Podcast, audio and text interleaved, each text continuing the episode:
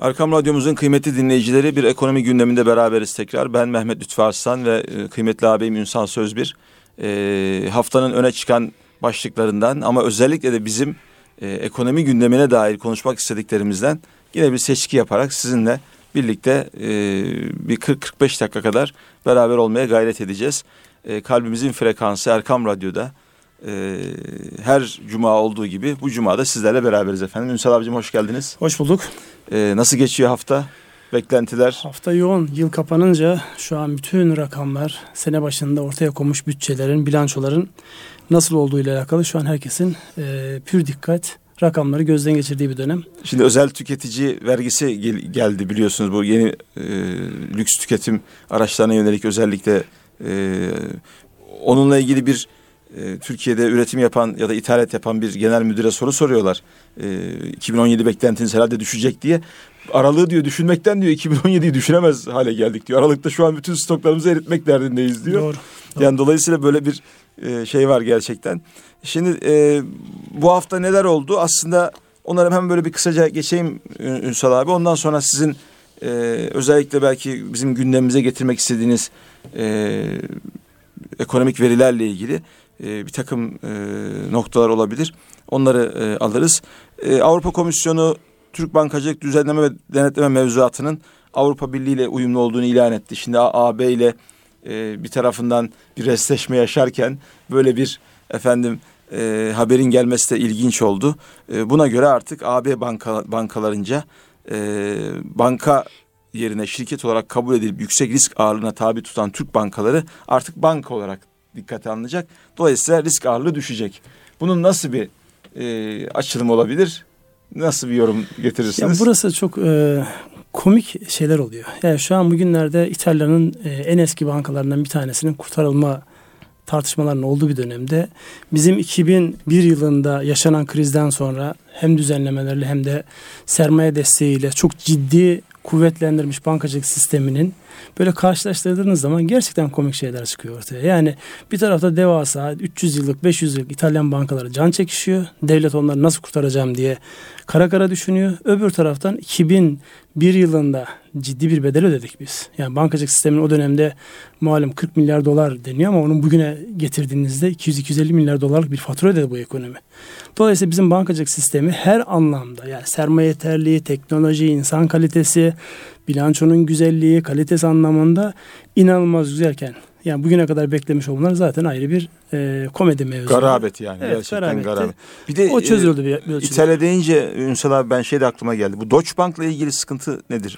Onu batırmaya mı çalışıyorlar? Şimdi yok Nasıl o batırma değil. Şimdi bazen böyle e, yani hakim güç ara sıra kendi kurallarını hatırlatır. Yani bilir kurallara uygun davranılmadığını.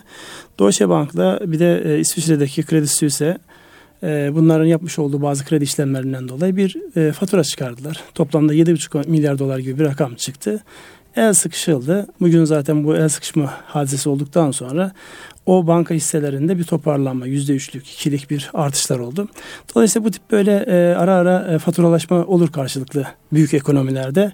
Deutsche Bank hadisesi de yani yapılan bazı usulsüz kredi işlemlerinden dolayı Amerika'nın ona kesmiş olduğu bir fatura. Yoksa herhangi bir batma, kurtulma hadisesi değil. Yine haberlerde gelen, yine haberlerde e, rastladığımız bir şeydi. Ali Baba'nın da bir takım ürünlerine e, zannediyorum Amerika e, onu kara listeye almış. Yani Ali Baba da biliyorsunuz e, Çin'in en büyük belki de yurt dışına açılım noktasındaki platformlarından bir tanesi. Ben birçok e, aile dostumuzdan da biliyorum böyle ikişer dolarlık, üçer dolarlık, beşer dolarlık, onar dolarlık birçok böyle giyim eşyalarını doğrudan oradan kargo ile istiyorlar. Böyle ilginç de bir şey var. Yani biz de çok iyi tüketim trendlerini takip ediyoruz ama bu insanların da gerçekten böyle bütün dünyayı istila eden böyle ilginç bir e, yayılma stratejileri var. Trendler o kadar enteresan ki şu an özellikle bu sınırları aşan ticaretin nasıl kontrol edileceği, nasıl vergilendirileceği, o ödeme sistemlerinin nasıl denetim altına alınacağı konusunda ciddi tartışmalar var. Şu an mesela en büyük şeylerden bir tanesi biz de onu yaşıyoruz. Türkiye'de işte faaliyet gösteren ve insanlardan ciddi reklam gelirleri olan sosyal medyaların ya da işte belli işte Google gibi e, arama Am- motorlarının Amazon mesela. Amazon gibi onların çok ciddi e, ekonomik büyüklükleri var fakat nasıl vergilendireceğiniz noktasında henüz daha kafalar net değil. Çünkü her gün yeni bir usulle geliyorlar. Yani ticareti siz burada yapmadığınız için oradan bir vergi ödenir mi ödenmez mi ya da işte Twitter gibi Facebook gibi oralara verilen reklamların nasıl e, vergilendirileceği ya da nasıl fatura edileceği konusunda ciddi tartışmalar var. Önümüzdeki dönemde bunları çok tartışacağız. Yani hem e-ticaret tarafını tartışacağız hem de bu sınırları aşan uygulamaların işte düzenlemelerle ahenkli hale getirilmesi baya bir tartışma konusu olacak. Mesela YouTuber'lar var. Ee, işte bir video koyuyor. Bir müddet sonra o 10 bin, 20 bin, 50 bin, 100 bin seyrediliyor. İşte tıklama başına e, para alıyorlar. Bunların hesabına para geçiyor. Şimdi bu da sonuçta hani vergilendirilmesi gereken bir e, ekonomik faaliyet yapan. Ama nerede? nerede, nerede? kim kim nerede var? Yani o e, görüntü işte dün bir tane pandanın görüntüsü vardı. Kanada'daki hayvanat bahçesindeki bir e, panda görüntüsü. Herhalde bir 150-200 bin kişi tıklamış. Dünyanın dört bir yanlarına e, oraya girmişler. Hangi ülkede elde edildi o gelir? O soru işte tartışmalı bir Evet evet. Bu şeye benziyor aslında. Şu iPhone'un e, beynini Amerika'nın yapıp işte kasasını Singapur'da işte işte efendim çipini şurada burada öğretmesi gibi böyle bir hikaye vardır. Acaba bu iPhone hangi ülkenin malı diye sorul, sorulur ya sık sık. Evet. Ee, bir diğer konu yine AB ile ilgili. Ee, AB komisyonu müzakerelere başlamak için AB konseyine yetkilendirme talep etmiş. Ee, gümrük birliği ile ilgili bir kapsam genişletme söz konusu. Ee, yani biz AB komisyonu olarak taahhütlerimizi yerine getirmeye devam ediyoruz diyor. Ee, bizde de işte e, bu komisyonların e, yani çalışıyor olmasının e, AB için 5 milyar euro, Türkiye için ise 12 milyar euro düzeyinde bir katkı sağlayacağı ortaya konmuş. Yani haberlerde ifade edildiği için bununla ilgili bir yorum yaparsınız yapmazsınız bilmiyorum ama yani şimdi orası da çok enteresan. Bir taraftan bizim bu e, Avrupa Birliği ile olan ilişkilerimiz tartışılırken öbür taraftan da bu hafta özellikle bu e, yani Büyükelçinin e, suikaste kurban gitmesinden sonra ortaya çıkan tablo işte Rusya, Türkiye, İran bir şekilde Suriye konusunda anlaşmaları. Ben Le Monde'da yayınlanmış bir e, yazı okumuştum. Yani bir süre önce Türkiye ile alakalı sosyolojik analizler yapıyorlar ki orası da çok enteresan yani. Türkiye'yi böyle enter, enteresan bir şekilde kutuplaşmaktan falan bahsediyor ama öne çıkardıkları şeyler komik. O da detaya girmeyeceğim. Asıl korku en sonunda söylüyor. Diyor ki Rusya'nın, Türkiye'nin ve İran'ın ve arkasından da Şangay Beşlisi'nin bir araya gelip oluşturduğu gücün ezeceği ilk yer Avrupa. Dolayısıyla bunun bir şekilde önünün kesilmesi gerekir. Dolayısıyla bu çıkan haberlerde ben o çerçevede yapıyorum. Uzun vadeli bir korku var. Bir taraftan Avrupa'da bazı ülkelerin ekonomilerinin kötü olması, bazılarının işte seçimlerde istenen e, sonuçların değil daha böyle sağcı e, güçlerin ön plana çıkması. Önümüzdeki dönemde daha konuşulacak çok şey var. Bu mevzuda ben o çerçevede değerlendirmiyorum. Çok detaya girmeye gerek yok çünkü çok su götürecek bir mevzu. Evet. E, bir diğer haber de Merkez Bankası biliyorsunuz faizlere dokunmama kararı aldı. E, hatta bu şöyle yorumlandı. Kuru artıran nedenlerin kendi kontrolünde olmadığı düşüncesiyle faizi kura tercih etti şeklinde bir e, yorum da geldi. E, ekonomideki toplam talepteki yavaşlamak, yavaşlamanın enflasyondaki düşüşü desteklediğini söyleyerek bunu yaptı. E, yakın dönemde küresel belirsizliklerdeki artışa bağlı olarak e, yaşanan döviz kuru hareketleri ve petrol fiyatlarındaki yükseliş enflasyon görünümüne dair yukarı yönlü risk oluşturuyor. Öte yandan toplam ta- talep gelişmeleri bu etkileri sınanıyor, sınırlıyor denildi. E, yani enflasyona kuru yüksel- yükselişinden gelen bir baskı var ama ekonomik yavaşlamanın etkisi bunu sınırlıyor şeklinde ifade edilebilecek bir aslında e, gelişme bu aslında. Şimdi geçen ay yapılan e, para politikası kurulunun toplantısında malum işte insanlar bu kadar radikal bir şey beklemiyordu. 0.50'lik bir artış oldu. 7.50'den 8'e çıkarıldı. Ona istinaden ki uzun süre zaten Türkiye bu anlamda herhangi bir şey yapmıyordu. Yani bütün gelişmelere rağmen bir şey yapmıyordu. Geçen hafta acaba bir 0.25 daha arttırır mı diye bazı ekonomistlerin beklentisi vardı. Merkez Bankası kendi izlediği göstergelerden ki göstergeler çok önemli. Yani bir ekonomiyi eğer siz sayısallaştırabilirseniz sadece ekonomi içinde geçerli değil. Şirketlerde de böyle.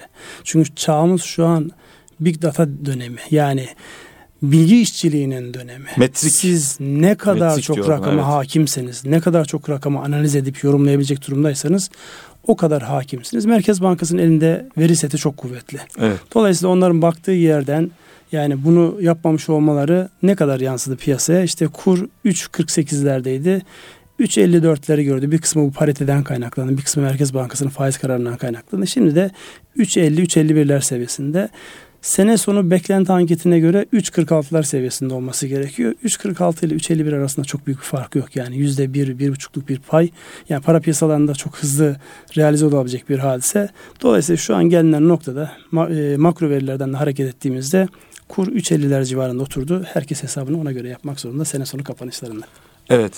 E, metrik demişken ya da bu sizin o data sesi ve veri seti meselesi demişken hani biz her şeyi bir kader üzerine yarattık diye e, ayet-i kerimede ifade edilen o aslında kader miktarla alakalı bir e, kavram. Yani her şey bir ölçüye göre aslında yapılmış. Kesinlikle. O ölçüyü çözdüğünüz andan itibaren onu bir şekilde ölçmeye başladığınız andan itibaren aslında siz de hayata dair o sünnetullah'a dair önümüze konan o büyük kurallara dair bir e, en azından kendi yolunuzu çizebileceğiniz bir aslında e, oradan bir anlam dünyası oluşturabiliyorsunuz.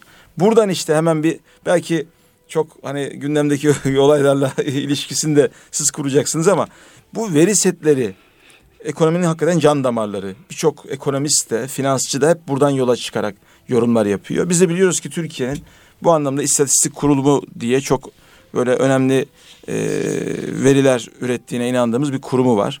Mesela bu kurum konut satış istatistiklerini tutuyor. E, e, iş, iş gücü istatistikleri tutuyor. Bir de mesela tüketici güven endeksi diye bir şey tutuyor. Mesela ben bunu e, çok e, kendi derslerimizde de falan e, zaman zaman sorgularız. Yani tüketici güven endeksi niye önemlidir bir ekonomi için? Mesela bunu hem e, ekonomi gündeminin hiç eskimeyen gündemleri bunlar. Hem de e, dinleyicilerimizin de belki bu anlamda bilgilenmeleri için e, üzerinden bir geçsek diyorum. Şimdi tüketici güven endeksine girmeden önce özellikle e, Türkiye İstatistik Kurumu gibi benzeri kurumlar sadece Türkiye'de değil dünyadaki bütün gelişmiş ekonomilerde istatistiki ortaya koyan, orayı izleyen, o bilgileri yorumlayan kurumlar var ve bunlar çok değerli. Bunların hangi datayı ne zaman yayınlayacakları bir yıl önceden bellidir ve uzun soluklu da bellidir. Yani hangi veri ne zaman açıklanacak, enflasyon ne zaman açıklanacak, işsizlik ne zaman açıklanacak, tüketici güven endeksi ne zaman açıklanacak. Niye önemli bunlar? Şimdi bir işsizlik dadasıyla alakalı özellikle Amerika'da şeyleri gördünüz mesela o kriz döneminde Fed'in bir tane hedefi vardı. İstihdamı işte şu seviyenin altına indirinceye kadar ben piyasaya para enjekte etmeye devam edeceğim diye bir hedef koymuştu. Çünkü makro göstergelerin işte işsizlik gibi, enflasyon gibi, büyüme gibi ya da tüketici güven endeksi ya da satın almacılar, satın alma yöneticiler endeksi gibi endeksler ekonominin ne tarafa doğru gittiğini göstermek açısından önemli göstergeler. Aslında bunlar kalp atışları gibi değil mi? Aynen öyle. Evet. Doktorun işte tahlillere bakarak ne tarafa doğru gittiğini, hangi rahatsızlıkların var ya da çıkabilme ihtimalini gördükleri gibi bunlar da ekonomistlerin kendi dünyasında geliştirdikleri önemli datalar. Bunlar çok önemli. Sizin söylemiş olduğunuz o tüketici güven endeksinin ana hatlarıyla şöyle baktığımızda burada tüketicilerin beklentileriyle alakalı dört tane temel soru soruluyor. O dört tane temel sorudan bir tanesi hane halkının maddi durum beklentisi ne olacak? Bir tanesi bu. Genel ekonomiyle alakalı beklentiniz ne olacak? İkincisi bu. Sizin işinizi kaybetme ya da mevcut devam ettirme ihtimaliniz nedir? Yani iş, işinizle alakalı güveniniz nedir? Son olarak da elde ettiğiniz gelirden ne kadar tasarruf edersin? Dördünü bir araya getirdiğinizde ortaya tüketici güven endeksi çıkıyor. Ve bu tüketici güven endeksi özellikle perakendeye yönelik çalışan işletmelerin yakından izlemesi gereken. Çünkü bireyler olarak biz eğer kendimizi güvende hissedersek alışveriş yapıyoruz. Güvende hissedersek borca giriyoruz. Güvende hissedersek uzun vadeli yatırımlara giriyoruz. Ve şu an e, en son e, TÜİK'in yayınlamış olduğu verilere göre geçen sene bu vakte göre tüketici güven endeksinde yaklaşık 10 puanlık bir e, geriye gelme var. Yani şu an yaşanan genel ekonomik durum, çevremizde yaşadığımız hadiseler, işte günübirlik yaşamış olduğumuz bizi heyecanlandıran hadiseler. Bunların hepsini birlikte değerlendirdiğimizde yani bizim e, insanımız ben tasarruf edemem diyor. İşimle alakalı küçük de olsa endişelerim var diyor. Genel ekonomik beklentilerle alakalı biraz olumsuzum diyor. Biraz da hane halkı bu olumsuzlukların tamamından daha az gelir elde edecek diye bir beklentisi var. Bunların hepsini değerlendirdiğimizde bu piyasaya talep olarak yansıyor. Yani ben tüketici güven endeksinin böyle düştüğünü gördüğümde eğer beyaz eşyacıysam eyvah diyorum. Ben araba satıcıysam eyvah diyorum.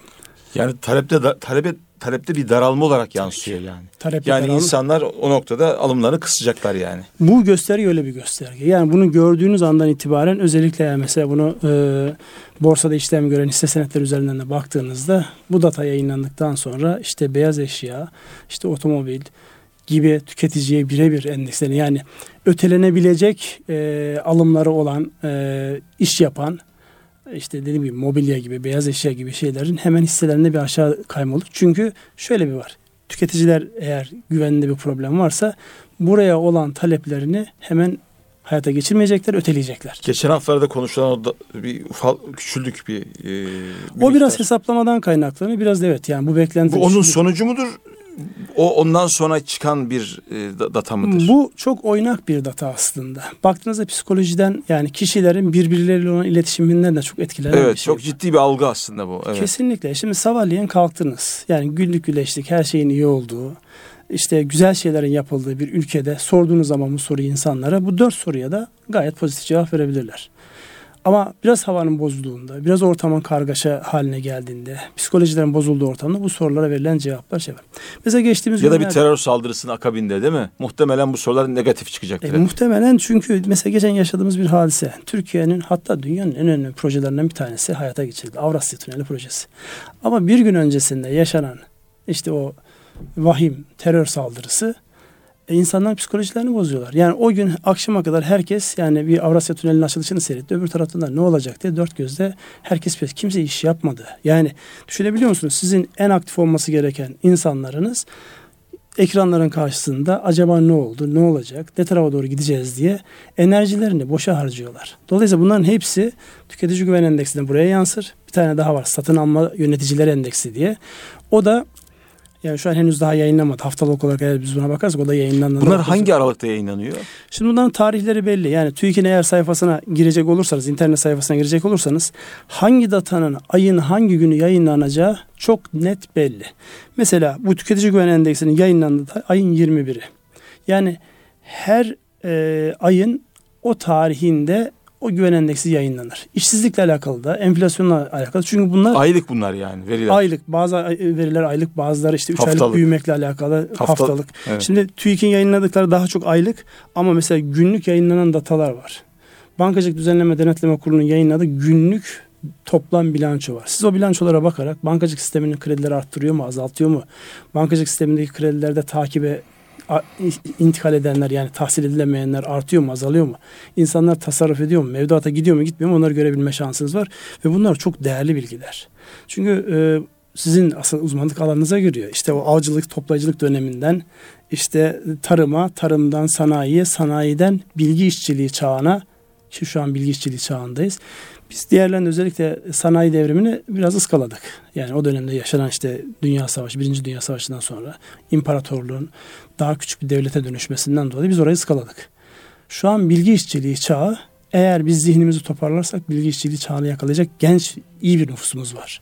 Çünkü bundan sonraki çağın bilgelik çağı olduğu söyleniyor. Bizim e, genetik kodlarımızda bilgelik var ama doğru bir yorumlayabilirsek. evet. Bu da güzel bir aslında şey oldu. İyi bağladınız. Bir ümitle e, yaşamak tabii her zaman için güzel bir şey. Şimdi burada yalnız şöyle bir sorun var e, Ünsal abi. Acaba bu kadar rakamın arasında büyük resmi kaçırmak ihtimali var mı? Bence yok. Çünkü o rakamların her biri farklı bir. Yani az önceki o doktor örneğini verdik ya oradaki bir metafor yaptık ya. Yani şimdi sizin kan tahlilinizde nelerin bulunacağı belli. İşte kalp ritminizi ölçtüklerinde nelerin bulunacağı belli. Her birinin ölçtüğü yer farklı olduğu için buradaki yani birbirini karıştırma şeyi yok. Makrodan mikroya doğru geliyorsunuz. Yani, yani bugün hiçbir e, gerçek iyi yönetilen hiçbir işletme bu dataları dikkate almadan herhangi bir karar alamaz. Şimdi yıl, yıl sonunda herkes bütçelerini bağlayacak. Şimdi bütçelerde kur çok önemli bir parametre. Çünkü gelecek sene siz satacağınız mala ya da alacağınız malların hangi fiyattan alacağını bilmek istersiniz. Bilebilme şansınız var mı? Yok sadece tahmininiz var. Öngör, öngörüde bulunacaksınız. Öngörüler var. Dolayısıyla o öngörülere göre siz ya para kazanıyorsunuz ya kaybediyorsunuz. Ya işletme ayakta kalıyor ya da yerle bir oluyor. Dolayısıyla bu dataların hepsini incelemek, izlemek, devam etmek zorundasınız. Mesela son dönemde yayınlanan en önemli istatistiklerden bir tanesi Türkiye'deki konut satışlarıyla alakalı istatistikler. Mesela bir taraftan sıkıntı yaşanıyor. Bakıyorsunuz otomobil ve konut satışlarında son 3-4 ayda inanılmaz artış var. Şimdi siz sadece aa ne güzel işte Türkiye'de işler tıkırında gidiyor. Herkes konut alıyor, araba alıyor dediğinizde çok doğru bir şey söylemiş olmasınız. Doğru rakamlarda arıyor ama sebebine bakmanız lazım. Sebebi çok net. Otomobille alakalı özellikle bu vergi mevzundan dolayı öne çekilmiş bir 2017'ye talep. kimse kalmıyor değil mi? Kalmak istemiyor 2017'ye. Orada vergiden dolayı bir şey var. Öne çekilmiş bir talep var. Konutta peki niye? Konutta da e, bu Ağustos'tan sonra özellikle TOKİ ve Emlak Konut'un başlatmış olduğu kampanyalar konut sektörünü hızlandırdı. Orada indirimler yapıldı, ödemeler öne Hı, çekildi. 0.70'e çekildi. Tabii Evet. yani orada e, cazibeyi arttıracak şeyler yapıldı. Dolayısıyla onun ivmelenmesiyle konut satışı bir hareketlendi. Ama siz sadece buna bakarak yani sadece rakamlara bakarak bir karar Aa ne güzel Türkiye'de işte e, otomobil satışları artıyor işte ithal edelim ya da üretelim ya da işte konut ne güzel satılıyor biz bunlar yapalım dediğinizde çok doğru bir şey söylememiş olursunuz. Geçmişinden o trende bakmanız lazım ve o trendin neyin ortaya çıkardığını da görüyor olmanız lazım. O trendi ortaya çıkartan e, etkenleri biz e, tıpkı sizin o doktor metaforunda olduğu gibi e, farklı bileşenlere bakarak e, anlamaya çalışalım ama e, yani şey vardır ya o Seyis'in hikayesi padişahın çok sevdiği atın ölüm hikayesini kimse söyleyememiş ölü, ölü haberini. Padişahım işte gözleri boş boş bakıyor. İşte kalbi atmıyor. E, Öldü desene kardeşim demiş buna. Efendim siz de söylediniz ben söylemedim.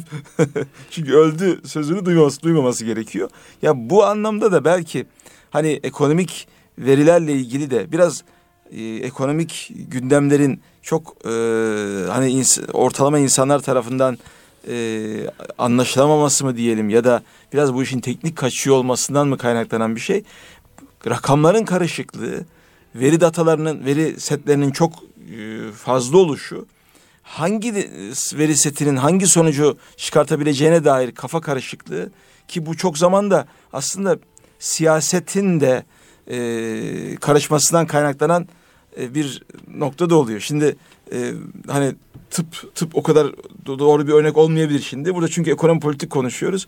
Yani iktidarın görmek istediği bir resim var. Bir de tam tersi karşısındaki muhalefetin göstermek istediği bir resim var. Bu iki resim arasında çok farklı e, veri setleri kullanılabiliyor. Mesela e, Demirel e, bir dönem işte şu rakamı getirmeniz lazım kardeşim diye bir tek rakam söylerdi. Ben hatırlıyorum seçim vaatleri sırasında. İşte bu işte cari açığın diyelim şeye oranı dış borca oranı diyelim. Bu işte buradaki iki buçuğu geçmezseniz efendim şey yapamazsınız. E, ekonomik olarak iyi olmadığınızı söylemek gerekir diye tek bir datadan böyle tahmin yürütür ve ortalığı tabiri caizse toza verirdi yani o Özal'la kapışmalarında. Şimdi bu, bunu nasıl aşacağız? Yani şimdi ekonomi bu anlamda e, matematiksel ve tamamen işte veri setleri üzerinden giden somut, objektif bir pencere midir? Yoksa bazen buğulanan, e, görmek isteyenin görebileceği şekilde e, bazen görüntülerin değiştiği bir e, alaca bulaca bir şey midir? Şimdi aslında tam e, sizin söylemiş olduğunuz şey şu an dünyadaki iktisatla alakalı gelişmelerin tam yansıması. Bir taraftan matematiklerle her şeyi matematiklerle ve matematiksel modellerle açıklayan bir yapı var. Öbür taraftan da insan davranıştan, davranışsal iktisat, davranışsal finans ve davranış ekonomisiyle alakalı bir bağlantı var. Bu ciddi bir tartışma. Yani bu bizim böyle burada bir radyo programında konuşarak halledeceğimiz değil. Yani dünyanın en önemli üniversitelerinde bu tartışılıyor. İnsan unsurunu göz ardı eden sadece rakamlara dayalı bir şeyin tutmadığı artık gün gibi ortada. Yani insan davranışı çok önemli. Ama insan davranışını açıklarken de rakamlarla açıklamazsanız, bir rakamsal zemine oturtmazsanız bambaşka bir noktaya kayarsınız. Üniversitede biz ilk bir istatistik dersi aldığımızda hoca şey demişti. İstatistik dediğinizi bir örnekte yalan, kuyruklu yalan ve istatistik demişti. İstatistiki verileri isterseniz manipüle edebilirsiniz. İsterseniz başka şeyler yapabilirsiniz ama şu an artık sadece devletlerin kontrolünde değil. Mesela Türkiye ile alakalı ben bir yorum yapacaksam özellikle yurt dışından yatırımcılar geldiğinde bizden fizibilite istedikleri zaman ben içeriden almış olduğum dataları uluslararası kuruluşların yayınlamış oldukları datalarla çaprazlama kontrol ederek bakmak zorundayım. Niye? Çünkü bizim bazı datalarımız bizim bakış açımızda belki çok pozitif görünebilir ya da negatif görünebilir ama uluslararası bakış açısı bu anlamda önemli. Dolayısıyla yani eskisi kadar değil. Ama buna rağmen bir Yunanistan örneği var biliyorsunuz. Adamlar yıllarca bütün dataları sakladılar. Bütün Evet, dataları gizlediler. Ekonomi batmış. Dibindeki Avrupa onu fark etmedi. Ki Avrupa'yı neredeyse bitiriyordu. Yani Avrupa Birliği'ni bitirecek kadar ciddi bir problemdi. Onun için bu rakamların yani pür öyle tapılası bir şey değil bu. Ama o olmaksızın da sadece hamasi sözlerle söylediğiniz zaman bizim e, özellikle reel sektörde rastladığım işler nasıl çok kötü. Neye göre kötü? Ortada rakam yok. Ya da işler nasıl? Çok iyi. Neye göre iyi? Ortada rakam yok. Dolayısıyla bu hamasi lafları yani rakamları yoksa hamaset giriyor işin içerisine. Onun için hamaseti engelleyecek en önemli şeylerden daha böyle somut verilerle hareket edilmesine rakamlar önemli ama tek başına bağlayıcı değil, davranış çok daha önemli. Evet dengeyi bulmak lazım. Rakam körlüğü ya da rakam cehaletinden kurtulmanın yolu davranışa eğilmekten geçiyor. Öyle. Hani e, o noktada da mesela taksicileri ya da işte siyasiler çok mesela taksicilerin nabzını tutmayı severler. Çünkü birebir e, şey aldığını düşünürler. E, şimdi Ünsal abi bu ilk bölümde ben biraz ekonomi haberlerinden bir seçki yaptım. İşte Avrupa Komisyonu ile ilgili, işte efendim Merkez Bankası'nın faizlere dokunma, dokunmaması ile ilgili.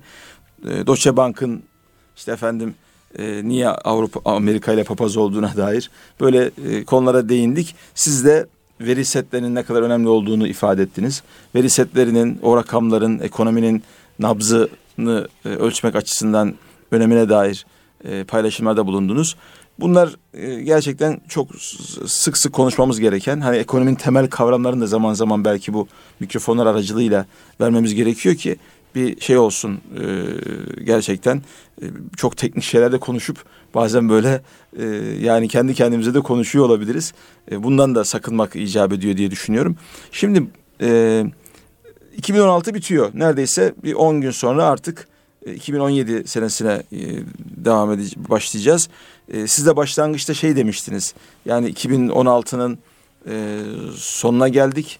E, ortalıkta bir şey var. Yani yılın e, salimen, salimin bitirilmesiyle ilgili bir çalışma var. Şimdi bir kere bunu e, bir e, şey konuşabilir miyiz? Yani 2016 nasıl bitiyor? 2016 nasıl geçti? Nasıl bitiyor? Bu konuda ne tür öngörülerde bulunabiliriz? 2016 yani dünya sadece bizim açımızdan değil dünya açısından çok enteresan bir yıl oldu. Yani Türkiye açısından hani derler ya yani yaşanmadık bir şey kalmadı. kalmadı gerçekten. Her şey yaşandı. Dolayısıyla yani 2016'ya başlarken ki öngörülen tahminler, ortaya konan tahminlerin neredeyse hiçbir tanesi tutmadı. Çünkü hiç kimse yoğunlaşacağı işe yoğunlaşamadı. Herkesin gündemi bir şekilde e, değiştirildi, yani manipüle edildi. Yani düşündüğümüz başlangıçta işimize yoğunlaşacağımız yerde işte ülkenin geleceğiyle alakalı kaygılar yaşadık. Sonra onları Allah'ın izniyle çok böyle güçlü bir şekilde geçtik. Arkasından bir güven geldi. Ama onun haricinde işte dünyadaki çekişmeler var. İşte Amerika'da yaşanan seçim derken dünya inanılmaz bir yıl yaşadı. Yani baktığımızda şöyle yani İngiltere'nin Avrupa Birliği'nden çıkacağını kim konuşurdu? Adamlar referandumlarını yaptılar ve Avrupa Birliği'nden çıkma noktasında bir karar çıktı. İtalya da şimdi o yola girdi. İtalya o yola girdi. İtalya bir deneme yaptılar. Bazen böyle siyasiler herhalde e, o an ne görüyorlarsa bir şeyler test etmek istiyorlar. Test ettikleri şey umdukları gibi çıkmayınca bambaşka bir noktaya gidiyor. Çünkü siyaseten onun bir bedelini ödenmesi gerekiyor. Şimdi bize baktığımızda evet gerçekten biz çok enteresan bir e, süreç yaşadık. Yani özellikle Temmuz ayında, Temmuz'un 15'inden başlayan işte Eylül'e kadar gelen süreçte yani insanlar işlerine konsantre olamadılar çok fazla. Üretmeye devam ettik, ticarete devam ettik ama yani zihinde hep böyle bir acaba çünkü olayı anlamaya çalıştığımız bir süreç yaşadık. Bu da e, o ekonomik büyümelere işte üçüncü çeyrekte olduğu gibi 1.8'lik bir küçülme olarak, küçülme olarak yansıdı. Dördüncü çeyrek iyi. Yani gelen datalara baktığımızda dördüncü çeyreğin iyi geçeceğini, Türkiye'nin 2016 yılını büyüyerek kapatacağını.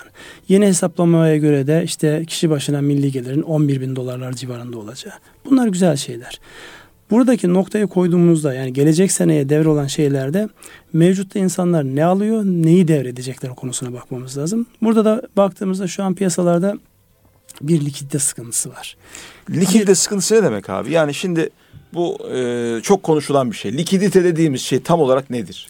Likidite yine metafor yapalım. İşte damarlarımızdaki kan. Kandır değil mi? Evet. Dolayısıyla kan fazla geldiğinde farklı bir para miktarıdır değil mi? Para Ortada miktar, dolaşan para miktarı, para miktarı yani. Evet. Böyle zamanlarda insanlar e, bazen bahane de derler. Ben uzun süre bankacılık yaptığım için oradan da bilirim. Böyle zamanlarda gerçekten sıkıntıya girmeyen bazı işletmeler, bazı şahıslar ödemelerini bir şeyleri bahane ederek e, etele, ötelerler. Yani ödemesi gereken zamanda ödemez. Bir şeyleri bahane eder. Şimdi bu birbirine bağlanmış böyle e, şey gibi zincirin halkaları gibi. Ben senden alacağımı tahsil edemediğim zaman e, ödememi yapamıyorum. İşçime maaş ödemiyorum, işte kiralarımı ödeyemiyorum, başka sıkıntılara giriyorum. Böyle domino etkisiyle gidiyor. Şu an piyasada bu bir kısmı gerçekten ekonomideki bazı beklentilerin daralmasından dolayı ki mesela bunu geçen hafta da konuşuruz. Özellikle bu işte alışveriş merkezlerindeki kiralardan tutun orada çalışan insanların maaşına kadar geniş bir e, süreç var. Bir kısmı gerçek gerekçelerden bir kısmı da bu havanın ona zemin hazırlıyor olmasından dolayı insanlar ödemelerini, taahhütlerini yerine getiremiyorlar. Taahhütler yerine gelmeyince az önce dediğim gibi domino etkisiyle bu en uçtakine kadar vuruyor. İşte kişi maaşını alamıyor, maaşını alamadığı için işte borçlarını ödeyemiyor, bankadan kredi kullanıyor, kredi kartları şişiyor böyle bir şeye giriyor. Onun için likit de o kadar değerli ki yani zaten şu anki Merkez Bankası'nın da bu anlamda baktığında en fazla dikkat etmesi gereken ya da dikkat ettiği alan piyasadaki likitlerin yönetilmesi. Onu iyi yönetirse insanlar yani gelecekle alakalı ümitli olmaz. Önce konuştuğumuz tüketici güven endeksi de buradan kaynaklı. Ben eğer maaşımı almakla alakalı bir endişe taşımıyor isem gider harcarım. Harcadığım zaman alışveriş yaptığım yerdeki insanların, işletmelerin işleri aynen ödemelerini devam ettirirler. Rahat dönerler.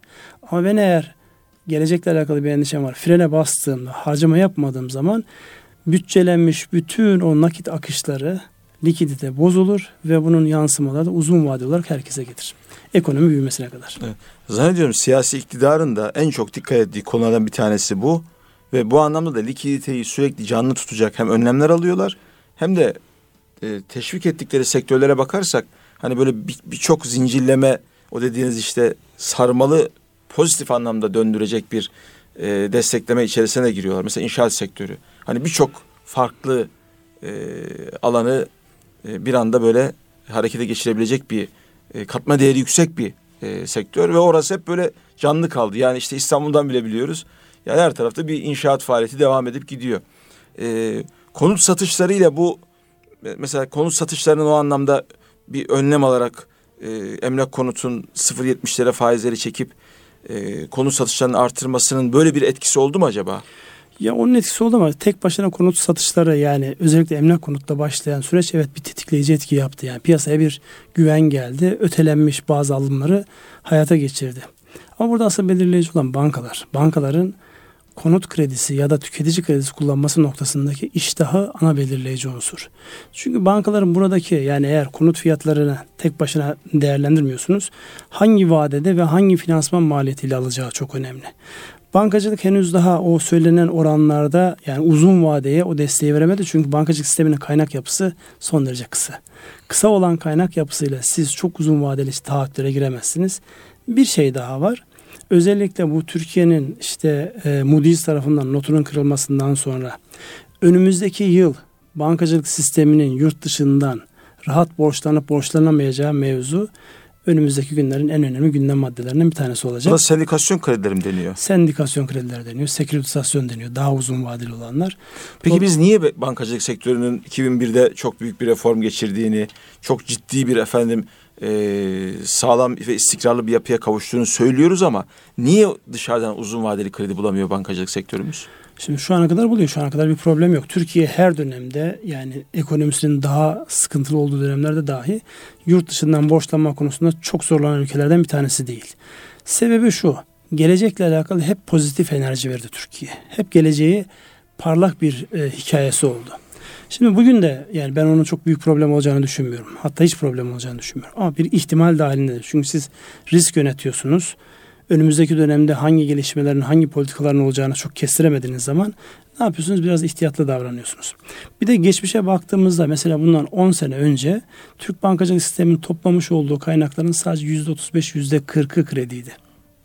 Geri kalanı devlet kağıtlarıydı. Yani aslında bankacılık sistemi insanlardan ya da yurt dışından parayı topluyordu dönüp devlete borç veriyordu. Sonra işte bu e, yaşadığımız 15 yıllık e, tek parti iktidarı döneminde devletin borçlanma ihtiyacı azaltılıp ve cazip olmaktan çıkarılınca devlete borç vermek cazip olmaktan çıkarılınca insanlar piyasaya yöneldiler. Bankalar esas işlerini yapmaya başladılar. Asıl yani. işlerini yapmaya başladılar çok e, keyifli açıldılar. Bu sefer de ellerindeki kaynak yetmemeye başladı. Ellerindeki kaynak yetmeyince ve yurt dışından da o dönemdeki işte dünyadaki likitte bulduğunda biz fırsat olarak gördük. Türkiye'ye gelen kaynaklarla işletmeler ve bireyler borçlandılar. Şimdi bunun aynı hızla devam edebilmesi için o kaynağın akışının devam etmesi lazım. Aksi takdirde siz yani borcu diyelim bir işletme olarak yatırımlarınızı yaptınız. Belli bir büyüklükle dönüyorsunuz. 10 milyon dolar, 10 milyon TL krediyle dönüyorsunuz. Bankacılık sistemi size 10 milyon lirayı vermediği zaman siz normal dönüşlerinizi yapamazsınız. Çünkü artık sizin ekonomik yani kan, damarlarınızdaki kanınız artık 10 milyonluk bir kan. Onun beşini çektikleri zaman siz kansızlıktan gidersiniz. Onun için çekilmemesi lazım. Onun orada kalması gerekiyor. Ya da yeni kan gelmesi mi gerekiyor? Yeni kan gelmesi gerekiyor. Yeni kaynakların gelmesi gerekiyor. Şu Bununla an... ilgili bir öngörü var mı peki? 2017'de diyelim biz işte Körfez'e daha çok yöneleceğiz. Ya da Körfez'den şöyle bir yatırım kaynağı gelebilir. Ya da diyelim işte şöyle bir enerji koridorunda şöyle bir açılım olabilir. Rusya ile ilişkiler. Bu bu bağlamda da 2017 ile ilgili aslında öngörülerinize soracaktım. Tam yerine geldi. Nasıl bekliyorsunuz 2017'yi? Valla ben e, Türkiye'yi Allah'ın böyle sevdiği ve lütuflarının bol olduğu bir ülke olarak düşünüyorum. Biz ne zaman dışarıyla içeriyle alakalı bir şeyler yaşasak muhakkak bir kapı aralanıyor. Ya bir ara işte e, çok yoğun bir şekilde o petrol fiyatlarının yukarıda olduğu dönemde işte Rus ekonomisi dünyanın her tarafına ciddi kaynak aktarıyordu. Geldiler bizden banka satın aldılar. Onun gibi yapılarda mesela e, Rusya bir ara Avrupa'ya yöneldi. Sonra Ukrayna krizi çıkınca bir taraftan biz oradaki Kırım hassasiyetimizden dolayı eleştirdik bilmem ne yaptık ama o kaynakların bir kısmı gene Türkiye'ye gelmeye devam etti. İşte Körfez bölgesindeki şeylerden dolayı, Mısır hadisesinden dolayı biraz belki Suud'la aramız bozulur gibi oldu. İşte Katar devreye girdi. Onun için yani bu şeye baktığımızda o ilişkilerde hep böyle Allah'ın böyle lütfettiği ülkelerden bir tanesiyiz ama bu sistematik olarak baktığımızda biz özellikle finans piyasalar açısından yani Türkiye bu geleceğe yönelik pozitif bakış açısını yani ümit var olma, borçlarını çünkü biz tarihimizin hiçbir döneminde moratorium gibi geçen defa da konuştuk. Moratorium gibi bir sıkıntıyla kimseyi karşı karşıya bırakmadık. Biz borçlarımızı ödedik. Ama biraz ölçülü olmak lazım. Yani almış olduğumuz kredilerin lüks tüketime gitmemesi lazım. Aldığımız kredilerin yatırıma, üretime gitmesi gerekiyor ki bunun uzun vadeli sıkıntı olmasın. Aksi takdirde bu tip böyle daralma zamanlarında soruyorlar. Siz yurt dışına aldığınız kredilerle ne yaptınız? Aa, çok güzel lüks arabalara bindik. Başka işte telefonları herkes 5 yılda değiştirirken biz 3 ayda değiştirdik. Ya da işte bilgisayarı. Bunu açıklamamamız lazım. Bizim o aldığımız o kaynaklarla bu genç nüfusun olan bu ülkenin geleceğiyle alakalı üretim yapan, istihdam sağlayan ki mesela geçen haftaki istatistiklerden bir tanesi iş gücüne katılımla yeni sağlanan istihdam arasında aleyhe bir fark var. Yani 10.3'ten 11.3'e geliyor ya da rakam belki virgülü fark olabilir ama bir puanlık işsizlikte bir artış var. Halbuki biz bu toplamış olduğumuz kaynakları yatırıma seferber etsek ve piyasalarımızı kaybetmesek sadece yatırım yapmak da yetmiyor biliyorsunuz. O malı birilerine satıyor olmanız evet. lazım.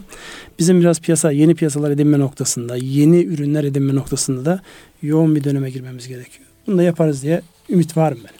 Ya bunun davranışsal iktisatla bağını nasıl kuracağız şimdi? Yani yine iş ah, ahlaka, kültüre, e, hayatı nasıl gördüğümüze, neyi ne kadar tüketmek gerektiği noktasındaki o e, terbiyeye mi yine iş dönüyor, dolaşıyor ve varıyor?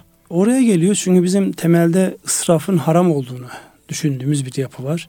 Yani biraz böyle e, tatmin edilmemiş, bastırılmış talepleri biz biraz fazla abarttık. Yani Gerçekten ben mesela yurt dışına çıktığım zaman görüyorum işte finans sektöründen insanların ceplerinde 4 yıl önce 5 yıl önceki modellerde telefonları çok rahatlıkla çıkarıyor. Bizde daha telefon piyasaya düşer düşmez herkesin cebinde en son haliyle var. İşte araba deseniz hakeza. Dolayısıyla buradaki davranış kalıplarımızı biraz böyle yani en son işte teknoloji ürününü kullandığımız zaman biz bir şey olmuyoruz. Bizim yani Maslow, çok iyi tüketici oluyoruz. O Maslow'un ihtiyaçları hiyerarşisinde o öz gerçekleştirme, adam yerine Kendini koyma şeyine geçmiyoruz. Olmuyor evet. Dolayısıyla yani onun algılanması, onun üzerine kafa yorulması, dolayısıyla yani kendi kendimize yetebilecek kanalları oluşturma noktasında bir davranış değişikliğine ihtiyacımız var ama yavaş yavaş oraya geleceğiz gibi. Çünkü artık insanlar bunu sorgulamaya başladılar. Yani çevremdeki iş adamları, işte genç e, dinamik yöneticilerin hepsi bunu sorgular hale geldiler. Önümüzdeki dönem zaten işletmelerin özellikle gider yönetiminde, şahısların gider yönetiminde dikkat kesilmesi gereken bir döneme giriyoruz da bu da davranışsal iktisadın birebir yansıması. Yani şimdi e, özellikle şey e, bu siz büyük şirketlere de danışmanlık yapıyorsunuz evet. Ünsal abi. E, hani yönetici konumundaki insanlar belki nispeten patronun verdiği kadarını alıyorlar ama bir de patronların kendilerine ait bir harcama kalemleri oluyor. İşte aile mesela şirketlerinde Yani mesela bu tür şey e, projeksiyonlarda var mı? Hani kısıyorlar artık. Kendileri de daha böyle tasarrufa önem veriyorlar. Çünkü har vurup harman savuran bir müddet sonra şirketin nereye gittiğinin farkına varamayan e, hani bir, bir nevi doktorluk da yaptığınız için şirket doktorluğu e, bunu e, cevaplayabilirsiniz diye düşünüyorum. E, bu böyle bu, bu akış açısından birazcık o patronların da rol model olarak hakikaten kendi hayatlarında bu işte davranışsal iktisadın da gerektirdiği e, tasarrufa önem veren, kendi hayatını efendim e, hani vur, harman ne derler? Vur çatlasın, e, çal oynasın. gibi tarzında böyle har vurup harman savurmak onu Hı. ifade edecektim. Har vurup harman savuran insanlar olmaması. Hani Vehbi Koç'la ilgili anlatılır hep. Ee, işte bütün ışıklar yandıktan sonra kendisi en, çok, en son terk edermiş veya bütün e, tek tek şirketin o yanan lambalarını sönüp öyle bırakırmış şirketi tarzında. Yani böyle bir aslında patron modelinin de e, yeniden belki keşfine mi ihtiyacımız var? Aslında bu başlı başına bir konu. Yani özellikle bizim iç dünyasındaki iş adamlarının ve profesyonel çalışanların, daha doğrusu her kademede çalışanların davranış değişiklikleri başlı başına bir e, program konusu. Ama ben şunu görüyorum. Özellikle iş dünyasında bizde artık böyle e, yani kendisiyle barışık, nerede durması gerektiği noktasında. Yani ölçüyü kaçırmadan bu davranış biçimi giderek gelişiyor. Yani bundan 10 sene öncekiyle şu anki davranış yani ekonomik anlamda iyi durumda olan insanların davranış biçimlerinde tabii ki her zaman bir yüzde üçlük, yüzde beşlik böyle abartarak yani rantiyedir, çok iyi gelirleri vardır. Yani o insanların işte ülkenin belli yerlerinde ya da İstanbul'un belli semtlerinde boy göstermelerinden daha tabii bir şey olamaz. O insanın tabiatıyla alakalı bir şey ama genel tutum ve davranışlarda bir ölçüye doğru gidiyoruz. Yani benim gözlemlediğim eskiden konuşulmadığı kadar insanlar daha ölçülü olmak gerektiğinden, daha işte masrafları, maliyetleri kısmak gerektiğinden, kendi özel hayatlarında da ona dikkat ettiklerinin ben onu gözlemliyorum. Henüz istenen seviyede mi? Değil. Ama bu bir e, süreç yani bizim şöyle baktığınızda zengin iş adamımızın sayısı çok eskiye dayanmıyor. Yani şurada 20-30 bilemediniz 50 yıllık bir mazi var. Bu bir öğrenme süreci, bir kültür edinme süreci. Bununla beraber önümüzdeki dönemde olacaktır o yöndeki gelişme. Yani inşallah bu sizin e, öngörülerinizin bir temenni olarak e, bütün iş adamlarımızda ve iş, iş e, dünyamızda makes bulmasını ümit ediyoruz.